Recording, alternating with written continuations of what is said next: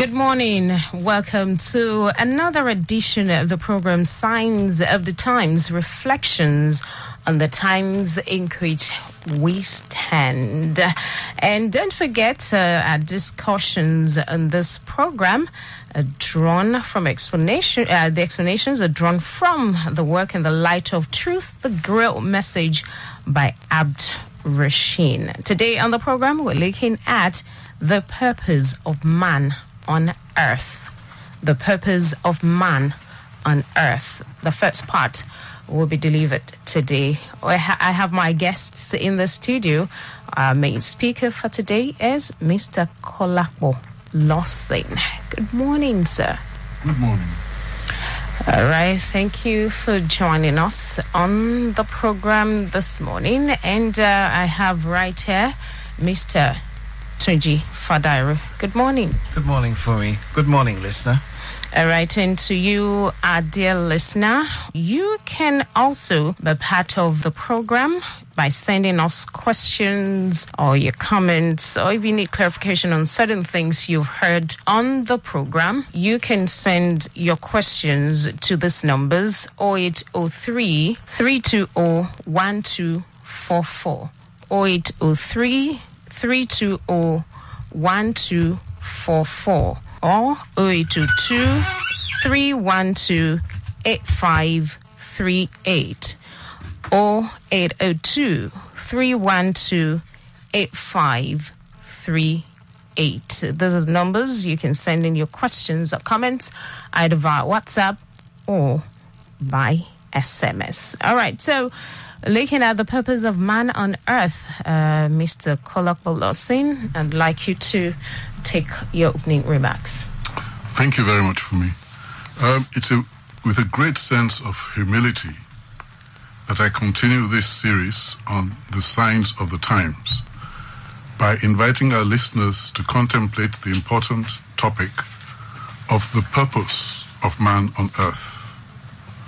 Of course, in using the term man, we are not referring to the male gender, but we're using the word as a generic description for the human being, or more accurately, the human spirit, which we all know exists in male and female forms, each with its own specific attributes and role. In the first part of the talk today, we shall consider the human spirit in general and its journey in creation. And in the subsequent presentation next week, as well as answering questions, we shall look more closely at the specific attributes and roles of the male and female entities. In considering the topic of the talk, we shall break the subject down into the following themes. The first part um, for because many people may be listening to this series for the first time, we'll say a few words about the Grail message and the necessary extension of knowledge. Then we'll consider the current views that prevail today, the current views of man's purpose. Then we will look at man and his position in creation. And finally, today we will look at the recognition by the individual human being of the task assigned to man by the light. All the speakers in this series, which started on April 15th, 2020, have made it clear that the explanations they give have been drawn from the work in the light of truth by Abd-ru-shin. The same is true of my own presentation. The clarity and consistency of the presentations must give the serious listener the assurance that he too she too can dig into the Grail message and acquire for himself or herself the same comprehensive knowledge which banishes all doubt and leads from faith to conviction. Speakers have spoken about the perfection of the will of the Almighty Creator, which manifests as adamantine, irrevocable laws which govern all events. They have explained how these laws bear the love and justice of the Creator maintain balance, further development, and ensure that man is the architect of his own fate.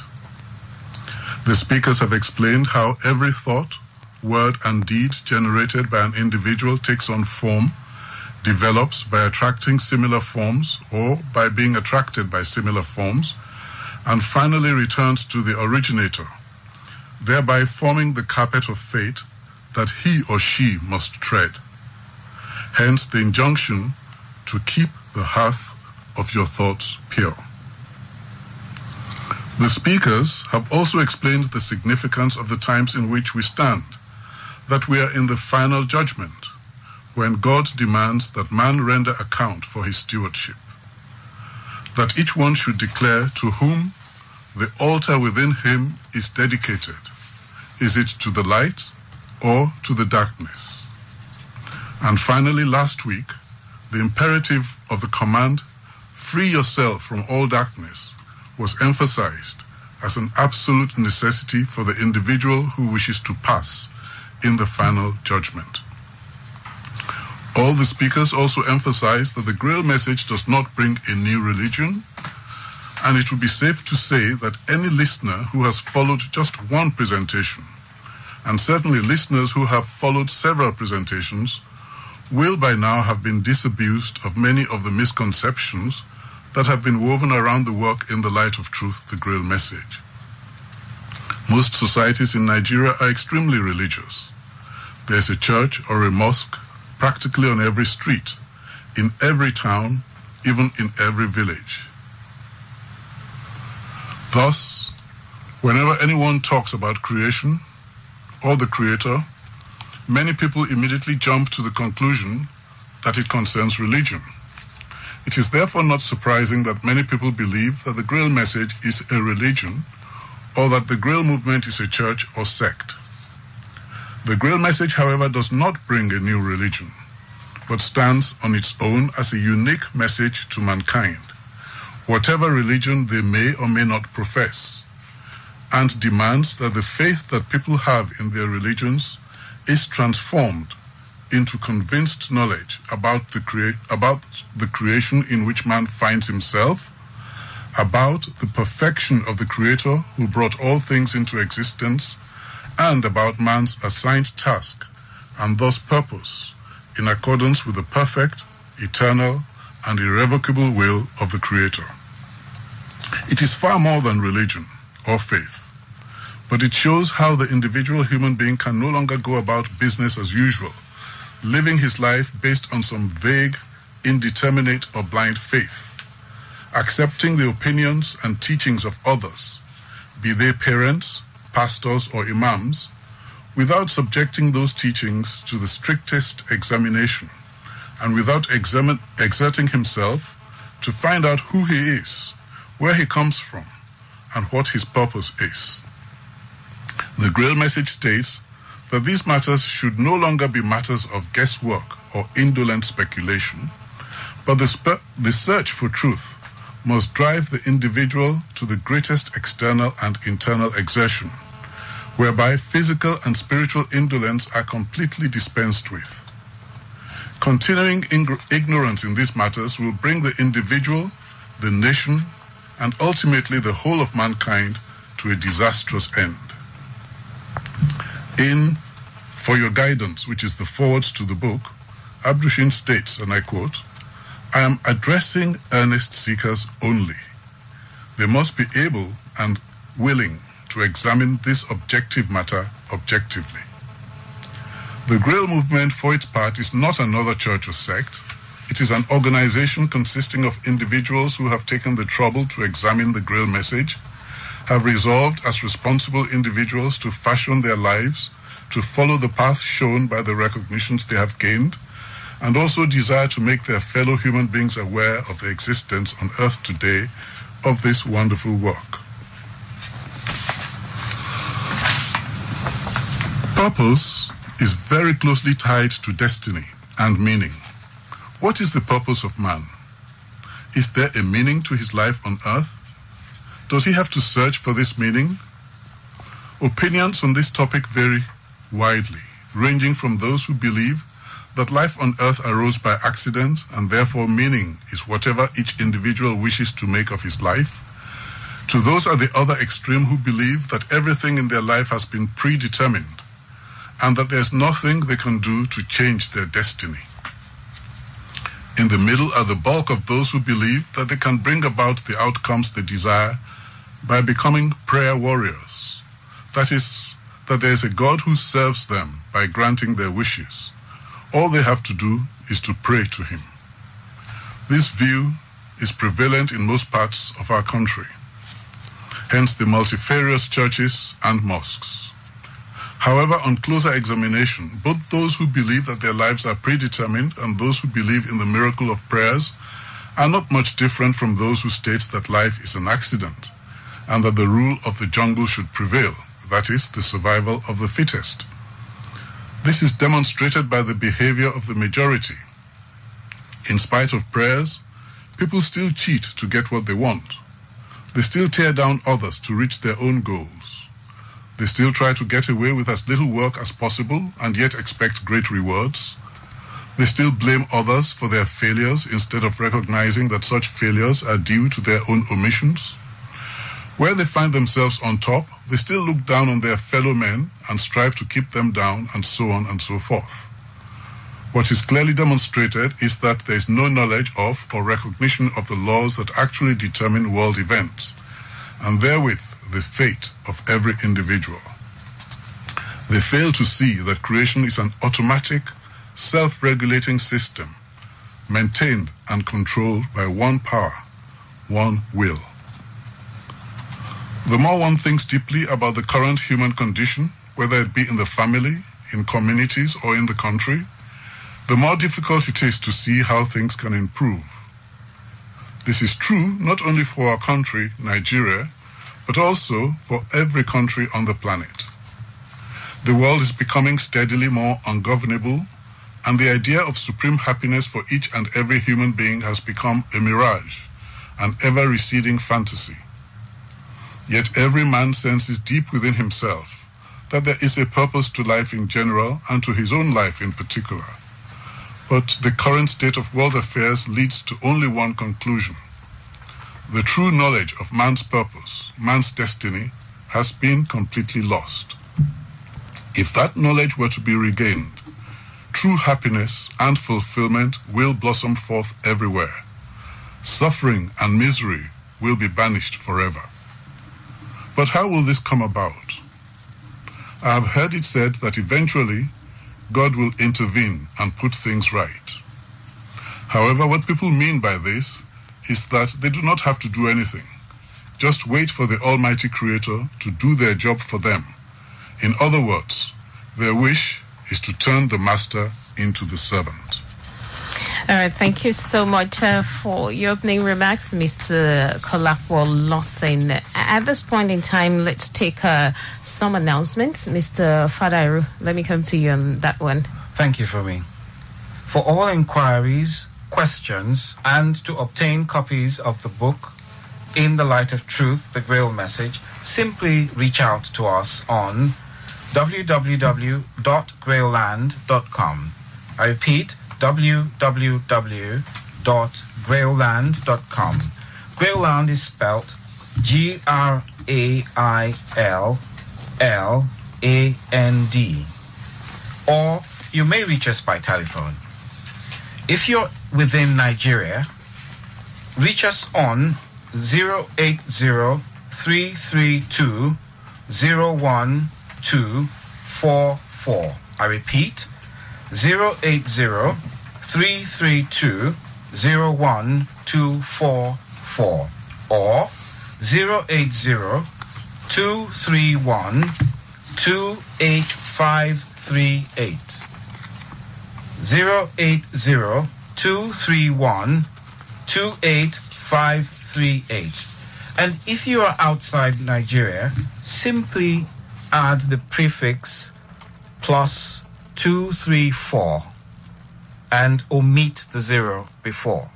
So that would be plus 234 8033 201 244 and plus 234 8023128538.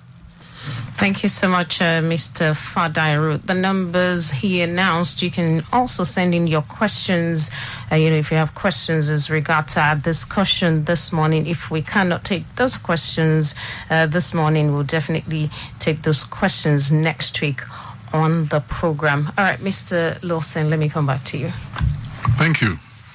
Um, I'll continue by saying some words now about the journey of the human spirit from its inception through creation to where we are today. As already stated, the present state of confusion exists because, in general, man does not know who he is, where he comes from, what his purpose is, and what his creator expects of him. This is where the Grail message brings the necessary help.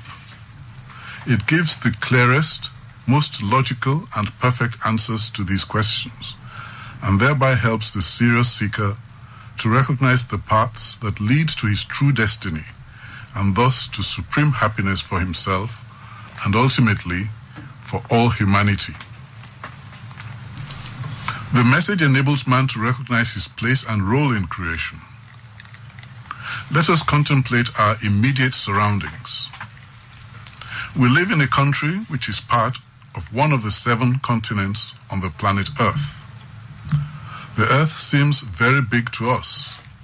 We all live our lives on it. All the events in history, all the great men and women who have ever lived also lived their lives on it. But when during the day we look up at the sun, or at night we see the stars in the skies, we begin to develop the idea that this earth, which seems so big to us, is not even a speck of dust in the visible universe. All the uncountable stars we see are suns, many of which have planets like the Earth revolving around them. Yet, as vast as all this is, we as human beings have the ability to transcend it all because we have an element within us which is more mobile, more alive, more sensitive than all these immeasurably numerous and gigantic material objects. Something which is of a completely different nature to the material substance of the earth, the planets, and the stars. We have never had a clear view of this intangible element. Yes, we do speak of soul and spirit, but there is no clear picture of what these are. We live in the midst of nature. Even our bodies are governed by nature. And one thing we can say about nature is that it is held together by consistent and uniform laws. If you throw a ball up in the air, it will come down, no matter how many prayers you send. The rate at which it comes down can be precisely calculated. If you plant a field of corn, no amount of prayers will turn the harvest into a yam harvest. We take these things for granted, but fail to recognize that a similar immutability operates uniformly in all things. The uniformity points to a single source or origin of all things, an origin which an origin from which laws which operate perfectly emanate. The laws thus attest to the perfection of their origin, of their creator, whom we have learned to call God. Abd-ru-shin states in the Grail message, and I quote, Give God the honor of perfection. Then you will find the key to the unsolved riddles of all life. Perfection, however, means immutability. That is, an expression of will today manifests in the same way it did thousands of years ago, and in the same way as it will manifest thousands of years from now. If something can change, it means it is not perfect. Either it was not perfect before the change, or it is no longer perfect after the change. Perfection rules out arbitrary acts. This has profound implications. Many long held beliefs, which millions blindly accept as truth, are suddenly found to be inconsistent with a conviction in the perfection of the Almighty. For example, is the belief that the Almighty sent His only Son to be killed by human beings in order to have their sins taken away, consistent with an acceptance of the commandment, Thou shalt not kill, or with the law that says that whatever a man sows, that also shall he reap? Deeper thinking also will make one recognize that if creation emanated from a perfect origin, then that part of creation which is closest to the origin must resemble more nearly the perfection of the origin, and those parts further away would resemble the origin less. Thus, in broad terms, the Grail message explains that there are two divisions in creation. The original creation, which came about directly as the perfect work of the Creator and known as the spiritual, and then a part which developed as a consequent or subsequent creation and known as the material world. The earth and everything that can be perceived by earthly means, thus the stars, the galaxies, the mighty visible universe, form part of the material world. That intangible element in man that makes it possible for him to perceive beyond the earthly comes from the spiritual part of creation. Thus, the real man is spirit. We recognize the spirit with our intuition, an inner faculty or inner voice, which is capable of maintaining connection with and receiving guidance from the spiritual part of creation based on the law of attraction of homogeneous species. On earth, the spirit wears a cloak of material substance which he has to return to the earth after a certain period called an earth life. We have all experienced several earth lives. As a tool to help him navigate his way through the material substance of the earth, he has been given the intellect which emanates from his frontal brain, an integral part of his material physical body. Now the question arises if man comes from the spiritual part of creation, which we have acknowledged to be perfect, why are his works on earth not perfect? There are many reasons for this. First, the earth man does not start its existence as a fully developed spirit. He starts as an unconscious, an unconscious spirit seed grain or spirit germ, which belongs to the very last ramifications of the spiritual that part which is too weak to be conscious in the spiritual part of creation. However, the spirit seed grain or, speed, or seed, spirit germ carries the potential for consciousness, and eventually this potential develops into an urge or yearning to develop.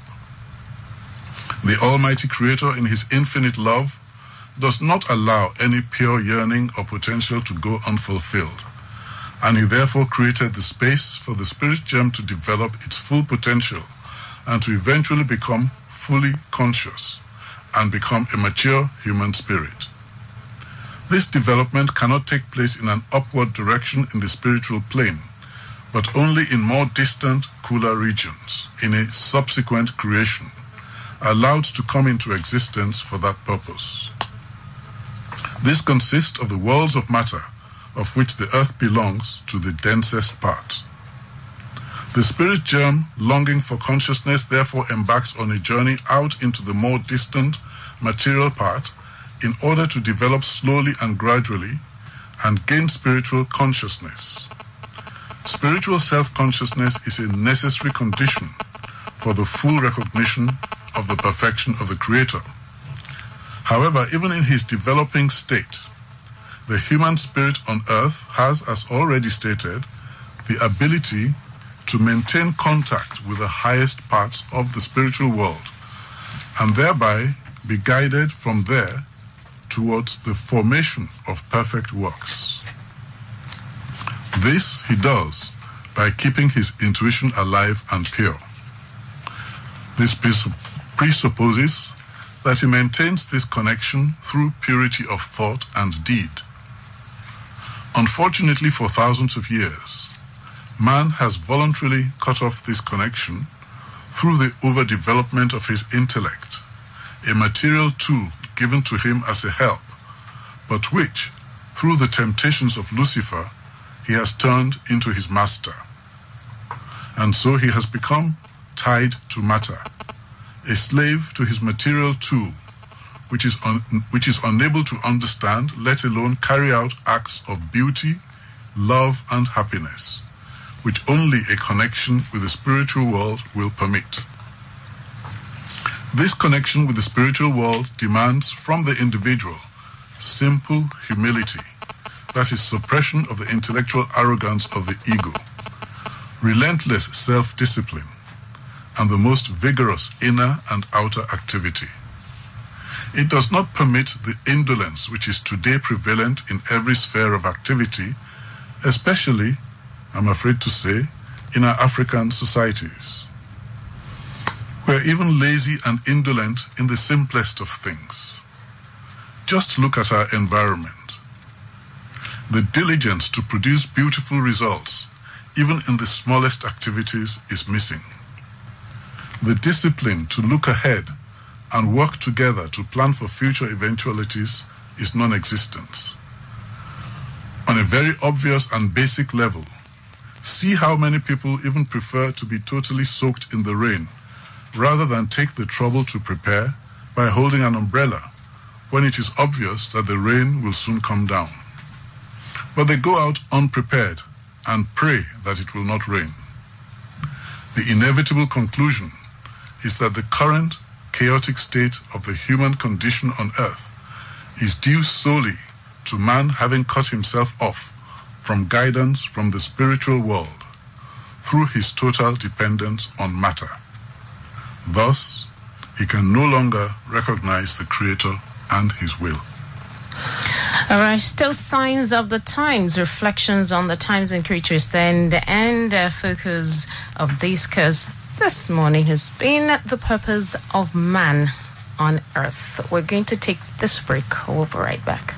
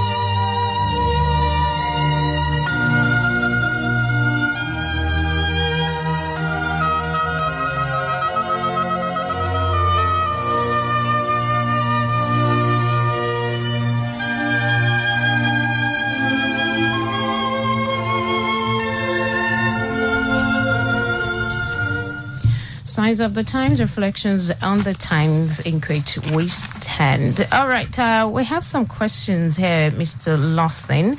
Uh, would like you to uh, just take on a few because of our time.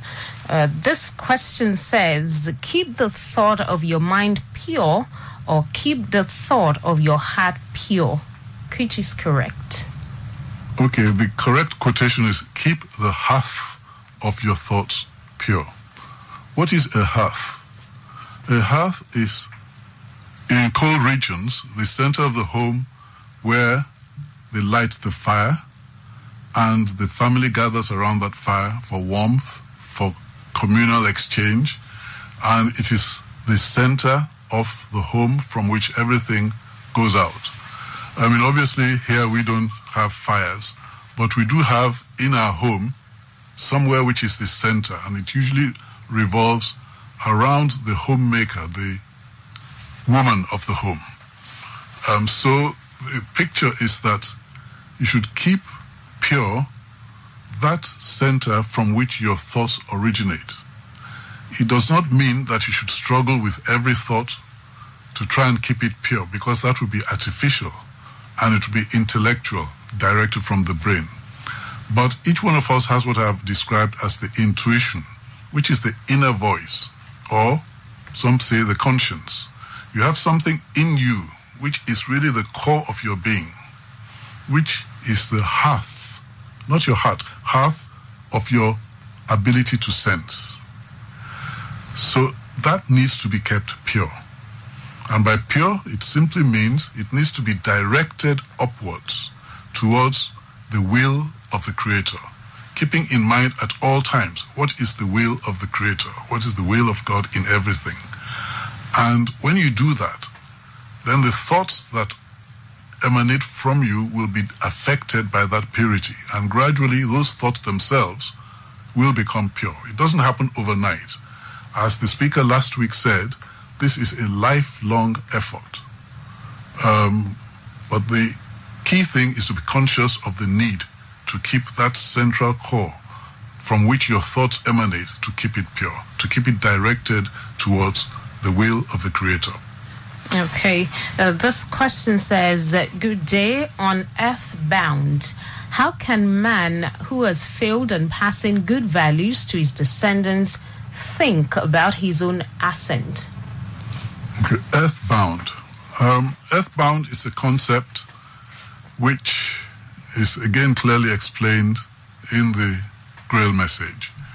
Um, when a human spirit sheds this physical cloak, it moves on to the immediate beyond, the immediate surrounding of the earth, which is invisible to our physical eyes.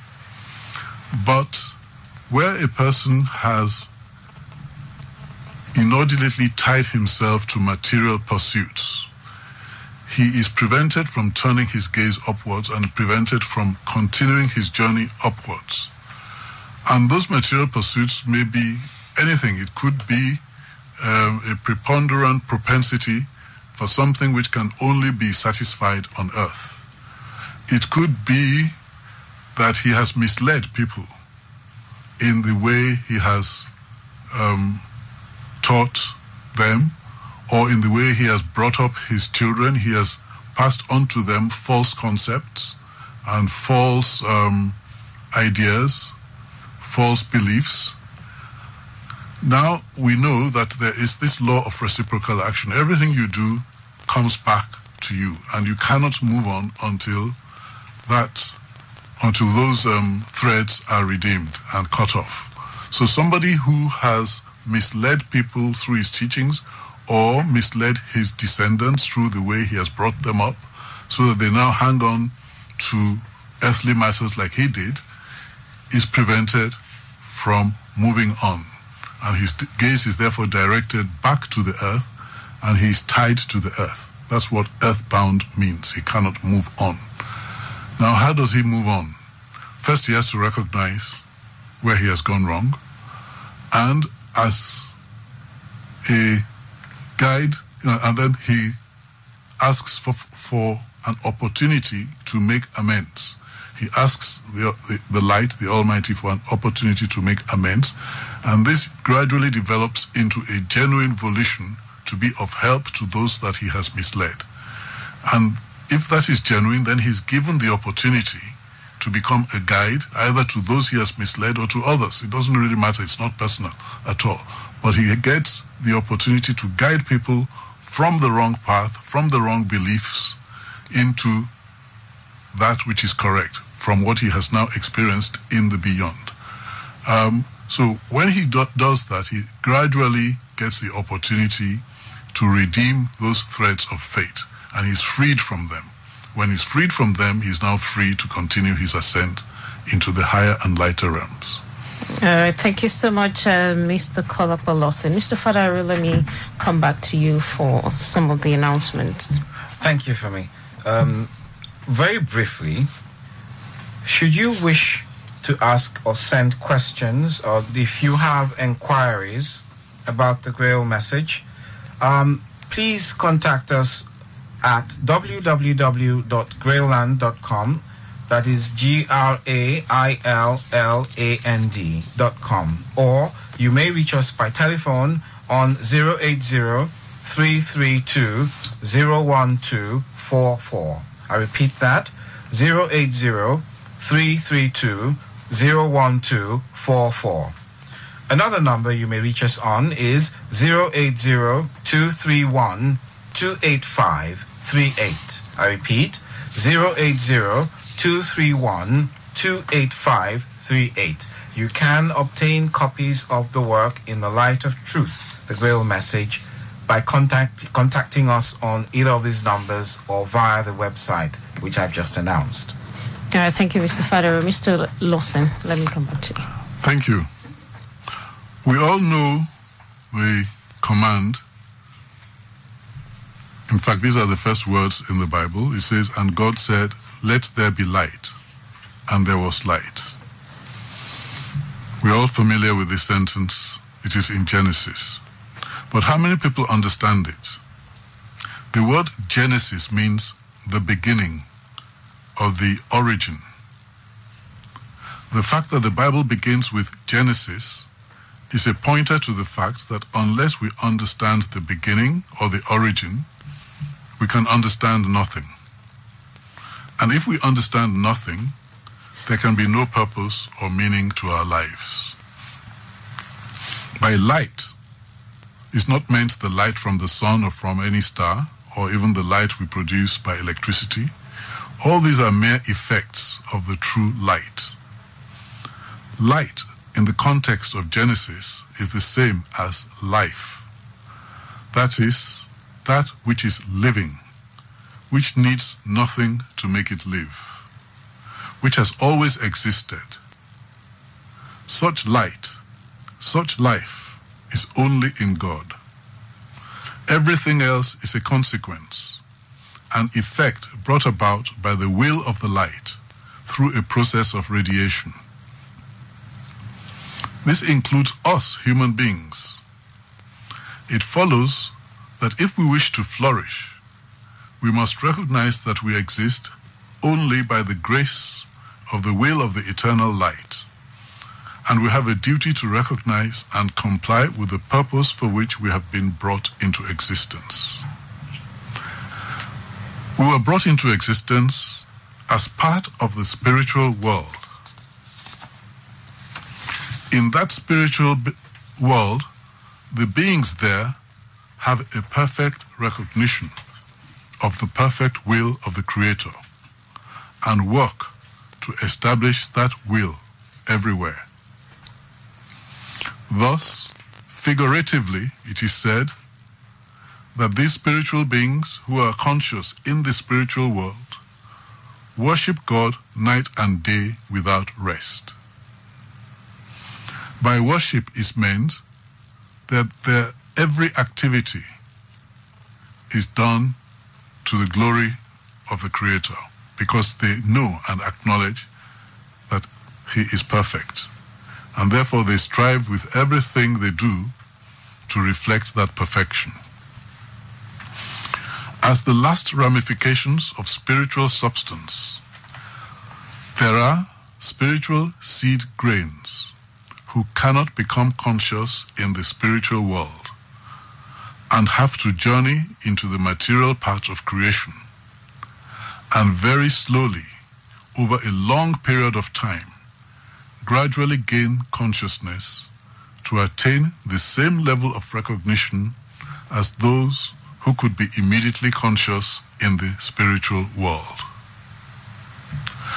And these spirit germs are us, you, me, whose task is to develop from being unconscious germs to fully conscious and mature human beings, human spirits, with the same degree of recognition of our origin and of our Creator as those who have never had to leave the spiritual world. Our task remains the same as that of the conscious spirits in the spiritual world to help establish the perfect will of the Creator everywhere, even unto the ends of the earth. Thus, As the individual human spirit develops, his recognition of the greatness of the Creator gradually awakens, blossoms, and grows. He perceives the unimaginable love, but also recognizes the immutable justice, which is identical with the love. And eventually, he comes to a recognition that he too, as a spiritual creature, is an agent of the Creator, a bearer of the love, and strives in all naturalness to transform his environment into a replica of the spiritual realms of light and to fulfill the vow, Thy will be done on earth as it is in heaven. This is a vow which each human being, each individual, needs to make every day so that he can transform his activity into that of pure gratitude to the Almighty.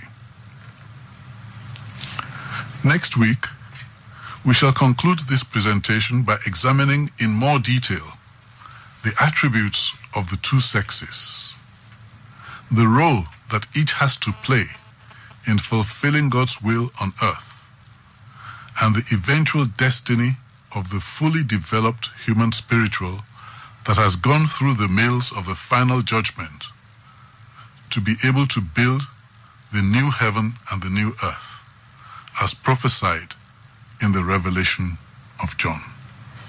Thank you.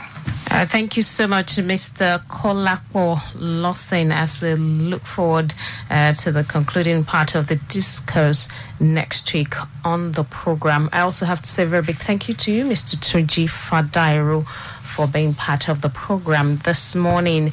We still have uh, other questions, but just to let you know that we will take those questions next week on the program. If you have um, further questions or need clarifications, you can send your concerns to these numbers 0803 320 1244 0803 320 1244 or 0802 312 8538 0802 312 8538.